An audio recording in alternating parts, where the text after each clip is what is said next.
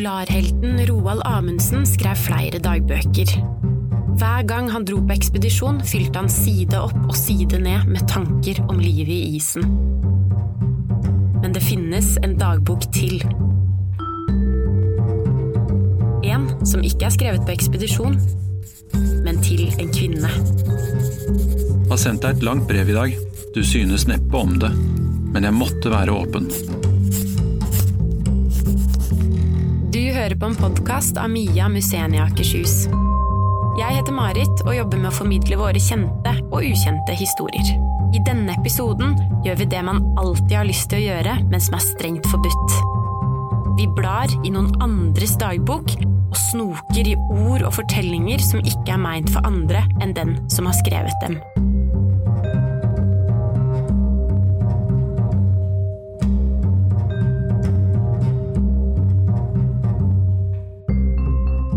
Fagkonsulent ved Roald Amundsens hjem og Follo museum, så er jo du ganske godt kjent med Amundsen, Anders. Men det du gjør er jo grenseoverskridende. Du leser dagboka hans. Hva hadde du tenkt hvis noen skulle lest i din dagbok om 100 år? ja, de må jeg huske å brenne før jeg dør. Men på den annen side så er jo sånne dagbøker som dette veldig viktige kilder til, til kunnskap. Og når det gjelder Roald Amundsen, som er en mann som veldig mange har en mening om, så kan denne dagboka bidra til at man retter opp vrangforestillinger og usannheter som har blitt skapt i ettertid. For de av oss som ikke har snoka i dagbøkene til Amundsen, hva er det han skriver om? Sånne tørre ting som at det blåser fra vest og er kaldt i teltet, skia kladder og sola skinner, eller er det sladring og intriger fra ekspedisjoner og mannskapet? Ja, det er nok begge deler, eh, men det er jo der denne private dagboka skiller seg ut. For her finnes det jo ikke utregninger av breddegrader og polpunkt og temperaturer og sånt. Denne dagboken den er stappfull av følelser, kjærlighet, savn og sjalusi. Den gir oss innsikt i, i det livet Amundsen forsøkte å holde skjult, nemlig privatlivet sitt. Den svarte, ruglete dagboka som Amundsen starta på 19.9.1924, blei overlevert til Nasjonalbiblioteket etter at han forsvant. Den blei lagt i en forsegla konvolutt med en klausul om at den ikke skulle åpnes på 50 år. Og ikke før nå er den blitt transkribert og publisert i sin helhet. Når vi nå åpner denne, nesten 100 år etter at Amundsen forsvant, så ser vi at hver dag i dagboka er skrevet som en hilsen til en kvinne. Hun som kaltes Kiss.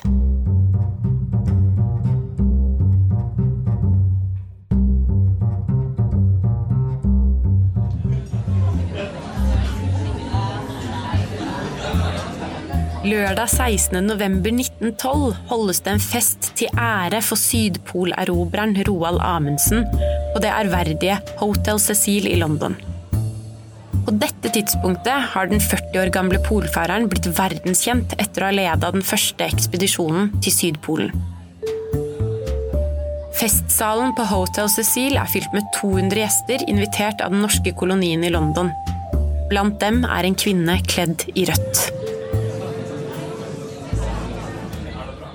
Hvem var Kiss, Anders?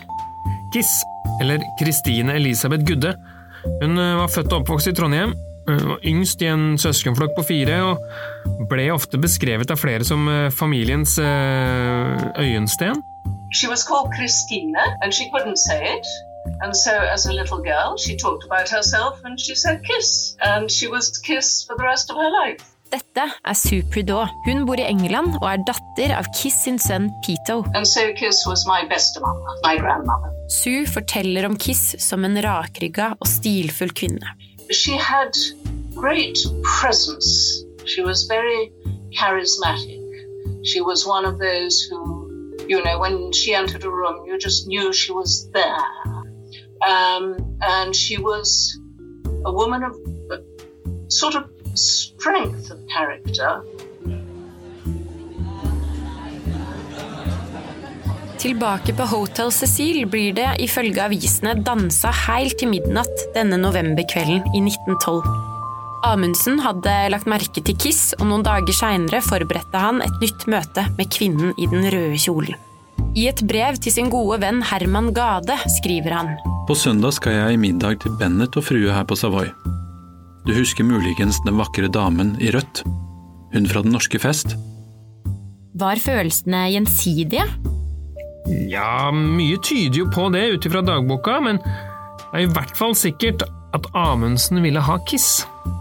Men det er ett problem. For Kiss er ikke bare Kiss. Hun er også fru Bennett. I 1904 gifter Kiss seg med den 33 år eldre og styrtrike britiske trelasthandleren Charles Peter Bennett. Og Sammen så bodde de i England. Og Da Amundsen ser henne for første gang i 1912, så hadde da 26 år gamle Kiss allerede rukket å bli mor til to sønner. Fortsetter Kiss og Amundsen å møtes etter det første møtet i London? Ja da, de møtes flere ganger etter det, og de sees når Amundsen er i London, og, Kiss kommer også til Norge. Hun kommer også hjem til han, til Uranienborg. Amundsen får også etter hvert et godt vennskap til Kiss sin søster Gudrun og broren Trygve. I tillegg er Kiss sine sønner flere ganger på besøk på Uranienborg. I think he really felt himself part of the family. Barnebarnet til Kiss, Sue Prudhoe. And I think that would be very precious to a man who was, you know, as lonely in a way as he was. Kiss og Amundsen de møtes i London i 1912. Men han begynner først å skrive Kiss-dagboka i 1924. Hva skjer i de tolv åra imellom? Amundsen han gjorde masse greier han i de åra, både i og utafor isen. Og det er helt tydelig at Kiss er viktig for han i disse åra.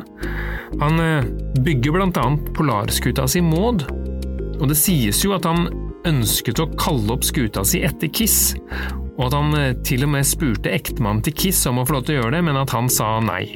Så da spurte han dronning Maud i stedet, da? Ja, men det kom flere anledninger for å bruke Kiss sitt navn. Under ekspedisjonen så fikk han om bord to fly om bord på skuta, og de ga navnene Kristine og Elisabeth. Og under ekspedisjonen så kom de også forbi Kapsjelusken nord i Sibir. Og der gikk de i land. Der lå det en liten høyde som Amundsen ga navnet Kristine Elisabeth-høyden. Og som om ikke det var nok, så gjemmer Amundsen en siste dedikasjon i boka om ekspedisjonen. Han dedikerte alltid bøkene sine til noen.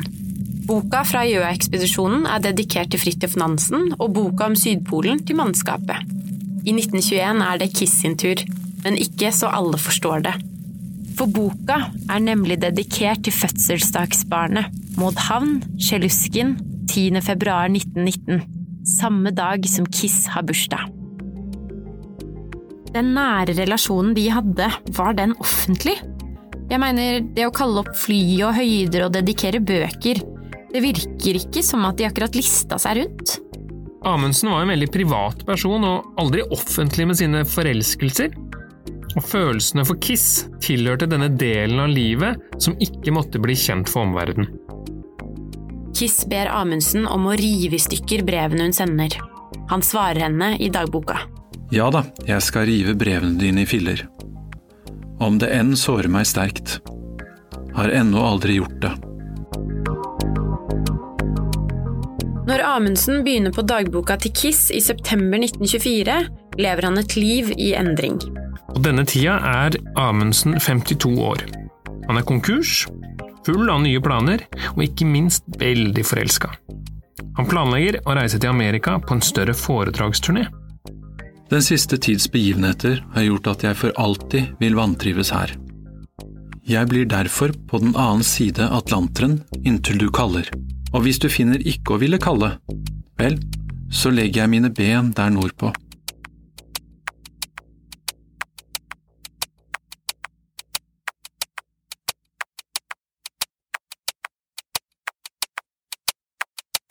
To dager seinere blir en merkedag i forholdet til Amundsen og Kiss, som han skriver om i dagboka. 25. september 1924. Alltid vil det stå for meg som min største, skjønneste dag. Min lille pike er min, min, min, god natt, du elskede. Gud beskytte deg. Hva var det som skjedde her, Anders?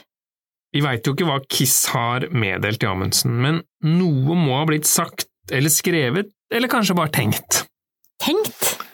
Jo, for i tillegg til brev og telegrammer, så hadde Amundsen og Kiss en slags trådløs kommunikasjon. For ifølge dagboka til Amundsen så kunne de snakke sammen i tankene. 28.9.1924, akkurat idet de passerer de britiske øyer på vei til Amerika, skriver Amundsen om når han går rundt på dekk. Jeg går hele dagen og småpassiarer med deg og sender deg trådløse i tusenvis. Håper din lille mottaker er i orden. Og om bord i lugaren sin har han omringet seg med henne. Det lille miniatyrportrett av deg følger meg alltid og står på mitt nattbord sammen med klokken du ga meg. Jeg har min egen hodepute med, og alle varene til den har du sydd. Alle dine lommetørklær bruker jeg også, så du ser, jeg er full av deg. Trådløse avgår dag og natt og må bli mottatt. Du er elsket som aldri før.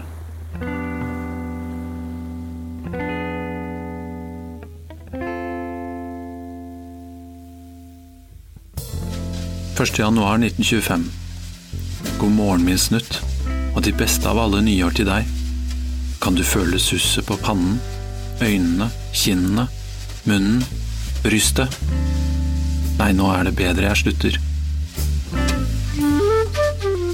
En god begynnelse, forresten, på årets første dag. Men det skal nok bli bedre senere. Er jo kjempegøy at denne seriøse, autoritære fyren på over 50 år er så forelska, og så klarer han ikke engang å la være å skrive om det. Ja, det er jo ikke sånne ord og situasjoner vi forbinder med polfareren Roald Amundsen, kanskje, men på en annen side så, så er det jo akkurat slike ting som gjør han litt mer menneskelig. Og vi får jo også servert hele følelsesregisteret hans. Det virker jo som han ofte er fornøyd, men når det blir lenge mellom hver gang han hører noe fra Kiss, så blir han tydelig både engstelig og sjalu. Den første uka i januar 1925 spør Amundsen i dagboka. Hvor er du henne? Når han endelig hører fra henne, reagerer han på hennes brevveksling med en familievenn. Men, men, er jeg sjalu? Jeg vet ikke, men jeg liker ikke din hyppige korrespondanse med en annen mann. Jeg vet, du ville ikke like om jeg var i tilsvarende korrespondanse med en dame. Jeg kan ikke hjelpe det, kisseliten. Som jeg skrev deg i dag, kanskje grunnen er at jeg er litt overarbeidet. Dagen etter er han ennå usikker. Vet ikke hvor jeg har deg, mere. For Guds skyld, ta bort tvilen, som igjen begynner å forgifte mitt sinn. Tilgi meg. Det kan jo ikke ha vært lett med avstandsforhold på 1920-tallet. Til og med i dag, 100 år etter, så er jo det fortsatt komplisert. Det får jo være en trøst for alle som syns dette er litt vanskelig, da. At til og med Roald Amundsen syns dette var utfordrende. Heldigvis hadde den lengtende Amundsen mulighet til å besøke Kiss på veien hjem fra Amerika i februar 1925. 17. februar skriver han. Det var herlig å være hos deg i dag. Du skulle sett min gang og holdning da jeg spaserte rundt i gatene her senere. Jeg følte meg nemlig sånn mann igjen. Det liv jeg fører, tvinger meg ofte til å se på meg selv som en slags evenukk, som en der aldri har bruk for sine krefter. Det er en avskyelig følelse og bringer meget ofte en sterk følelse av nedstemthet. Jeg vet ikke om du forstår meg, men jeg tror du gjør. Ja, Gud vet jeg høylig lengter etter den dag jeg skal bli full mann og du full kvinne. De møtes flere ganger de kommende dagene, men 21. februar reiser Amundsen videre til Norge. Avskjeden på jernbanestasjonen blir brutal, ifølge dagboka. Da jeg hadde forlatt deg, sprang jeg ut i den ytterste del av plattformen, viftet og ropte til deg.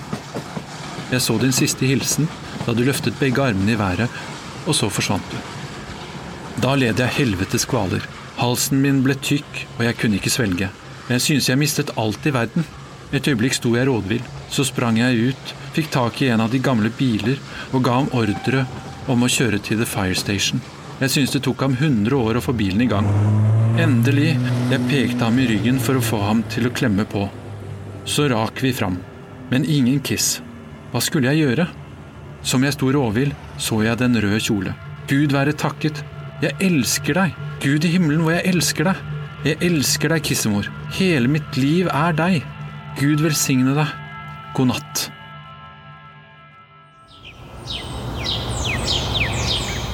Og vel hjemme på Uranienborg i mars er han omringet av minner om sin kjære. Jeg har hatt mine vanlige spaserturer, besøkt kissetrærne og kissekysseplassene og suget inn den deilige skogluft og renset lungene mine riktig. Kissetrærne og kissekysseplassene. Veit vi hvilke trær det er? Ikke ennå, men tro meg, jeg har eh, lett. Og jeg er ganske sikker på at de finnes, for eh, det er ganske mange fine plasser å sitte og kline ved rundt Uranienborg. Altså. Ved hjemkomsten blir han møtt av journalister. Pressen skriver at han ser glimrende ut, og at hele hans spenstige skikkelse stråler av friskhet og energi. På dette tidspunktet så er Amundsen fortsatt ganske forelska og stråler av det. Men han er også fortsatt ganske konkurs. Når han vender hjem, så er det ennå krangling om både penger og fordeling av verdier. Han krangla med broren sin Leon om annet eiendomsretten til husene på Svartskog. For før Amundsen gikk konkurs, så fikk han, med hjelp av Kiss sine brødre, overført eiendommen til Kiss. Noe Leon igjen mente ikke var gyldig, og ifølge Roald så ble han i denne tiden utsatt for det han omtaler som blackmailing. Leon truer med å trekke inn Kiss sitt navn i saken om eiendommene. Trekker de ditt navn inn, så Gud nåde dem. Da skyr jeg intet. Juling skal de ha. Selv om det ser litt mørkt ut for Amundsens økonomi og familiære relasjoner i denne tida, så begynner ting også å løsne. For sammen med amerikaneren Lincoln Elsford så planlegger han en ny ekspedisjon med to flybåter fra Svalbard mot Nordpolen. Og Kiss-dagboka, tar han med den på ferden? Så absolutt. Og første etappen den går med båt opp til Svalbard. Og den turen den er preget av høy sjø, store bølger og mye sjøsyke. Men det som virkelig bekymrer Amundsen, det var et telegram han hadde fått fra England. Telegrammet forteller at Kiss skal gjennomgå en blindtarmsoperasjon. Jeg har kun en bønn og et brennende ønske om at Gud vil holde sin hånd over min lille pike og bevare henne for meg. To dager seinere har han fortsatt ikke hørt noe. Du vet, du er alt jeg har. Du vet jeg elsker og tilber deg. Du vet at livet uten deg, selv om det må leves atskilt, blir uutholdelig. Tenk å være på en så utfordrende ekspedisjon samtidig som du har så store bekymringer, og tankene er et helt annet sted. Ja, og, og vi veit jo ikke om Amundsen snakka med noen av de andre i mannskapet om forholdet til Kiss. Kanskje var dagboka det eneste stedet han kunne deale med disse følelsene? Men så, endelig, får han gode nyheter. La meg fly tur-retur Polen først, og la meg så se. Én ting trøster meg i høyeste grad og gjør alt annet til null. Du er frisk. Kiseliten, du vet jeg elsker deg av hele mitt hjerte, og du vet det er kun én ting jeg arbeider for – å nå deg. Mens mannskapet venter på å få klarsignal for å fly nordover mot Nordpolen, venter også Amundsen på å høre fra Kiss. Telegram med lykkeønsker strømmet inn fra hele verden, fra venner og statsledere. Men ingen ord fra Kiss. Har du helt glemt meg?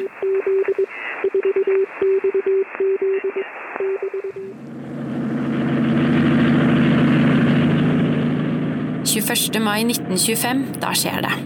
Meteorologene gir klarsignal, og flyene kan lette. Amundsen skriver sine siste ord i dagboka. Kjæreste min egen kone Lill. Dagen er kommet. Et deilig sommervær og alle utsikter til en god tur. Vi er nå i formiddag i ferd med å legge siste hånd på verket. Klokken tre drar vi. Lev nå så inderlig vel, og glem ikke at gutten din til siste åndedrag elsket deg av hele sin sjel. Hils de to prektige guttene dine, jeg vet, de vil alltid være din store glede i livet. Adjø, vennen min. Roald.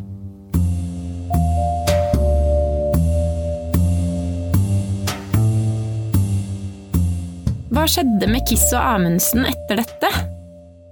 Vi veit ikke alt, men det vi veit er at forholdet deres muligens endra seg i løpet av 1925.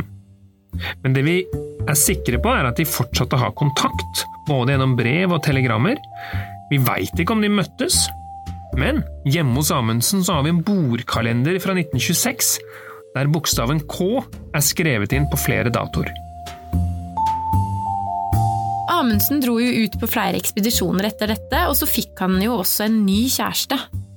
Men veit vi mer om livet til Kiss etter 1925? Kiss var jo mer enn Amundsens store kjærlighet.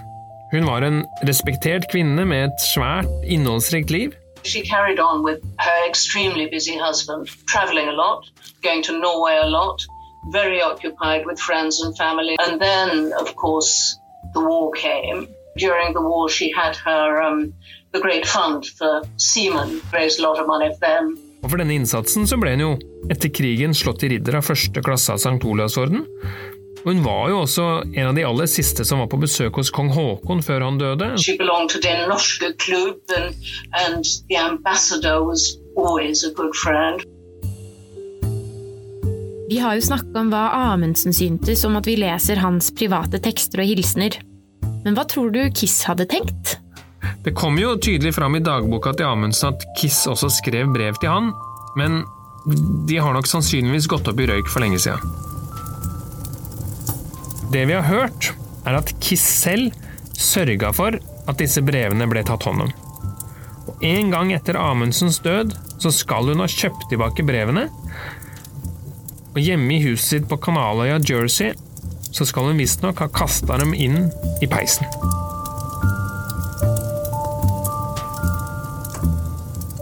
Du har hørt en podkast av Mia Musenia Akershus.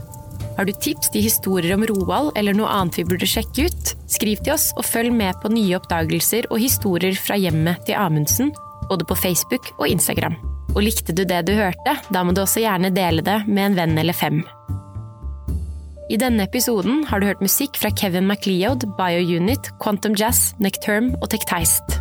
Sitatene fra Roald Amundsens dagbok er lest av Jonas Nordby.